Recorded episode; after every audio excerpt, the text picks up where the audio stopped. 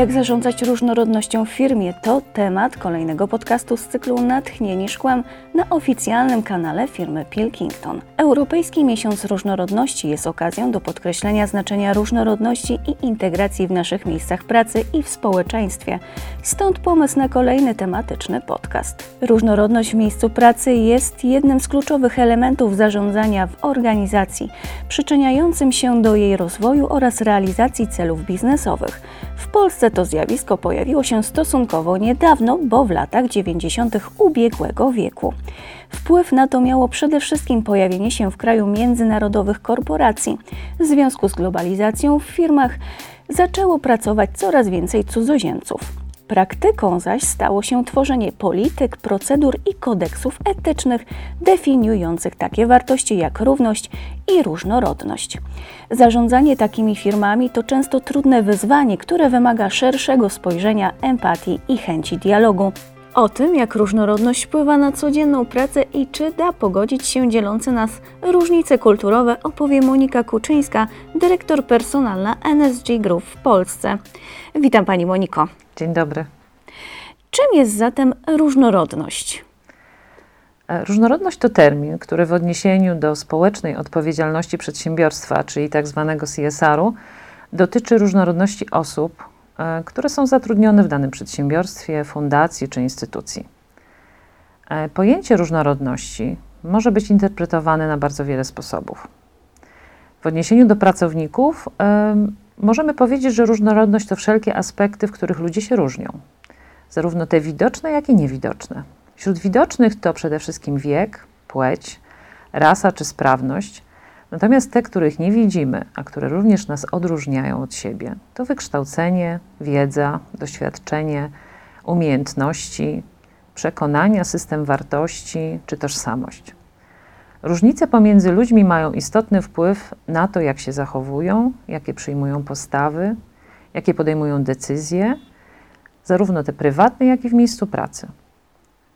Zrozumienie tych różnic pomaga organizacji lepiej wykorzystać kompetencje i potencjał drzemiący w zespole pracowników.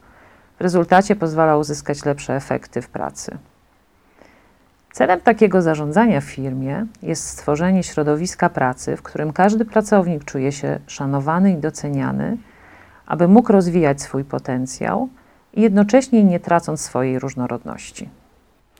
I jak bardzo różnorodne są obecnie firmy? E, kilkadziesiąt lat temu, kiedy pojawiły się w Polsce korporacje z zagranicznym kapitałem, e, a jednocześnie postęp procesów globalizacyjnych sprawiają, że w Polsce coraz częściej spotykamy się z osobami z innych krajów i kręgów kulturowych. Konieczność pracy w, w grupach zróżnicowanych, e, a w dzisiejszych czasach, w okresie pandemii, również dzięki technologii, współpraca z ludźmi na całym świecie, wymaga zdolności szybkiej e, adaptacji do nowych warunków, otwartości, tolerancji i przede wszystkim umiejętności komunikacji w takim międzynarodowym środowisku, a w razie potrzeby również rozwiązywania konfliktów. E, sama pracuję w firmie, która ma korzenie angielskie, a od 2006 roku należy do japońskiej grupy z siedzibą w Tokio. E, nasza produkcja odbywa się w 30 krajach na czterech kontynentach.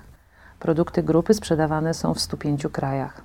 Zatrudniamy ponad 27 tysięcy pracowników na czterech kontynentach i mówimy w kilkudziesięciu językach.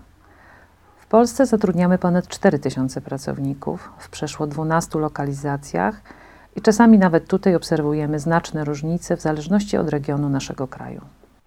Wspomniała Pani o różnicach kulturowych, yy, nawet tutaj u nas w Polsce. Jak one wpływają na codzienną pracę? W 2016 roku magazyn Forbes opublikował listę 10 najbardziej pożądanych kompetencji na rynku pracy, wśród których znalazła się m.in. umiejętność pracy w wielokulturowym środowisku. Aby odnaleźć się w takim środowisku, należy przede wszystkim być świadomym istnienia pewnych różnic. Poznanie kultury innego kraju bądź innego regionu w ramach jednego kraju wymaga często wieloletniej pracy. Pracując z osobami z różnych krajów, z różnych miejsc e, w danym kraju, warto akceptować te różnice kulturowe oraz szanować odmienność. Należy pamiętać, że to, co dla nas jest normą, nie zawsze w innym kraju będzie uważane za standardowe. Dlatego warto inwestować czas i poszerzać wiedzę e, o innych kulturach. Co jeszcze warto wiedzieć? E, funkcjonując w organizacji międzynarodowej, warto mieć świadomość, że są kraje takie jak Stany Zjednoczone, Australia, Kanada, Holandia czy Niemcy, w których bezpośrednia komunikacja i prostolinijny, naturalny komunikat jest czymś oczywistym. Dla kontrastu mamy kraje azjatyckie, gdzie komunikacja opiera się na uważnym dobieraniu słów, ważeniu tych słów, a bezpośredniość czy wyrażanie odmiennej opinii nie są mile widziane. Nasz styl komunikacji znajduje się mniej więcej po środku, więc warto pamiętać o tym, dostosowując komunikat e, do osób, z którymi pracujemy. Pamiętać należy również, że istnieją kultury kontaktowe, w których dotyk i bliskość są naturalne, oraz kultury dystansowe, w których ten dystans jest absolutnie niezbędny i świadczy o kulturze i zrozumieniu e, drugiej strony. Klasyczny dystans pomiędzy rozmówcami to taki na wyciągnięcie ręki, chociaż widoczne są tutaj również różnice. Mały dystans przestrzenny jest typowy dla świata arabskiego, natomiast duży dla większości krajów azjatyckich, północnej, środkowej i wschodniej Europy. Obserwujemy również różnice w postrzeganiu przywództwa. E, w krajach skandynawskich szefowie, menedżerowie e, często skracają dystans, szybko bardzo przechodzą na ty, nie mają nic przeciwko informacji zwrotnej otwartemu feedbackowi. Struktura w takich organizacjach jest bardzo płaska. Z kolei w krajach azjatyckich e, hierarchiczność, poszanowanie dla tej hierarchii E, jest bardzo istotne i komunikacja oficjalna jest bardzo kluczowa i wszyscy zwracają na nią szczególną uwagę. Warto o tym wszystkim pamiętać i mieć świadomość, współpracując z różnymi ludźmi. I jak godzić dzielące nas różnice w miejscu pracy? Czy jest coraz częściej pojawiające się w biznesie pojęcie zarządzania różnorodnością? Różnorodność jest faktem. Zawsze była, ale dzisiaj ją dopiero zaczęliśmy dostrzegać. E, wyzwaniem jest mówienie o niej, przypominanie i wplatanie w codzienność. Kulturowa zmiana e, akceptacji dla różnorodności prowadzi do włączania, którą często nazywamy inkluzywnością. Równe traktowanie pracowników, niezależnie od ich płci, wieku, rasy i innych cech demograficzno-społecznych, jest jednym z filarów nowoczesnego zarządzania firmą. Obecnie nie są to tylko puste slogany. E, Często towarzyszą im procedury, polityki, dane, które firmy komunikują w postaci raportów, prezentują je w rankingach, prowadzą na ten temat liczne badania i ankiety. Firmy odpowiedzialne edukują swoich pracowników, prowadzą z nimi dialog, budują atmosferę otwartości, gdzie każdy może zabrać głos i być wysłuchany. Angażują i zachęcają do tolerancji i akceptacji. Służą temu odpowiednie narzędzia w postaci szkoleń, dedykowanych platform edukacyjnych czy programów integracji. Zarządzanie różnorodnością zakłada stworzenie kultury organizacyjnej, w której zapewnia się wszystkim pracownikom równe traktowanie i szacunek, a w szczególności zakłada celowe rozwijanie kompetencji pracowników, odnoszących się do, m.in. do równego traktowania czy wspierania pracowników w indywidualnym rozwoju. Docenienie oraz szacunek dla różnorodności to jedna z podstawowych wartości organizacji nakierowanych na zróżnicowany rozwój i kierujących się zasadami społecznej odpowiedzialności biznesu. Jak różnorodność w miejscu pracy wpływa na wydajność i wyniki? Na ten temat warto popatrzeć z kilku perspektyw i tu chciałabym się skupić na czterech elementach. Pierwsza rzecz to bardziej kreatywne i innowacyjne środowisko pracy.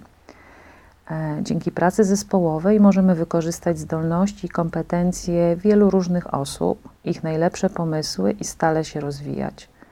Promowanie dialogu E, otwartego w takim zróżnicowanym zespole pozwala na lepsze zrozumienie potrzeb klientów, na popatrzenie na te potrzeby właśnie z różnych perspektyw różnorodnego zespołu.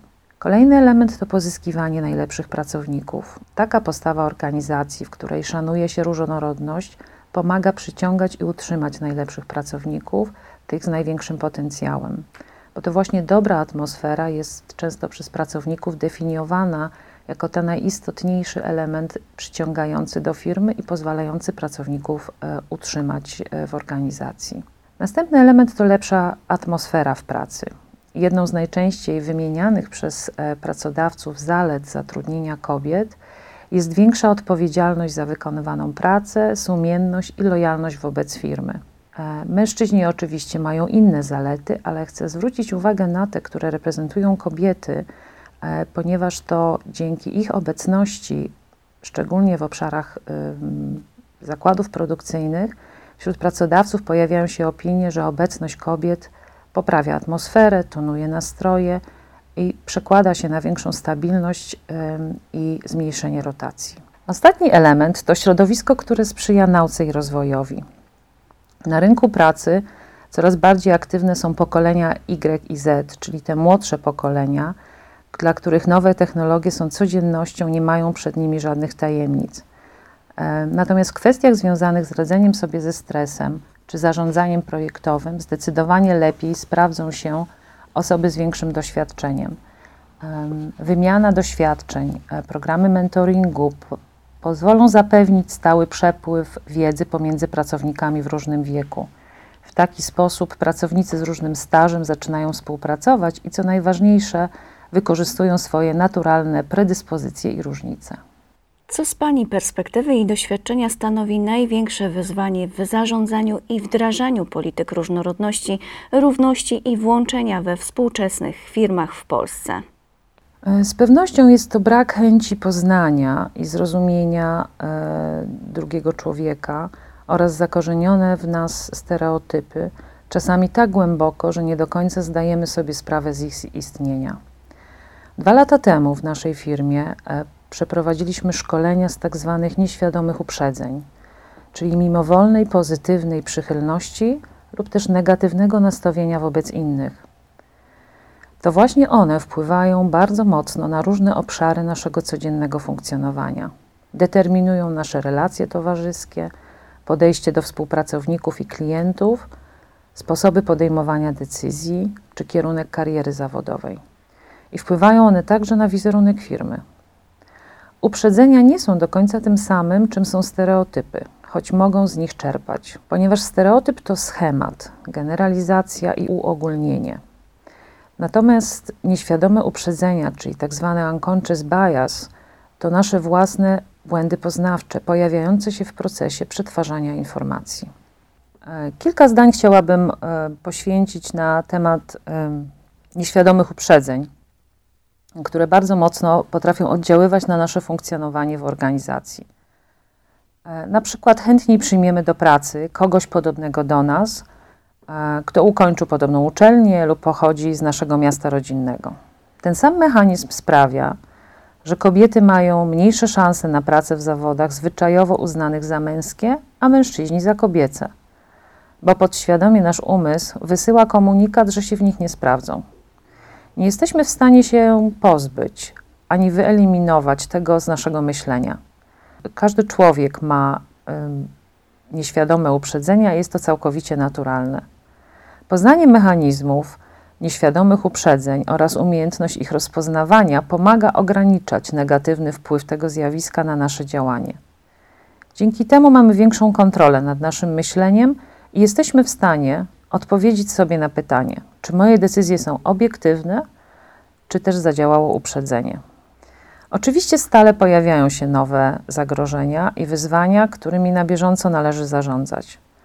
Dlatego uważam, że nieodzownym elementem budowania inkluzywnej kultury korporacyjnej są partnerstwa z takimi organizacjami jak Forum Odpowiedzialnego Biznesu czy Diversity Hub, gdzie możemy wymieniać się swoimi praktykami i doświadczeniami.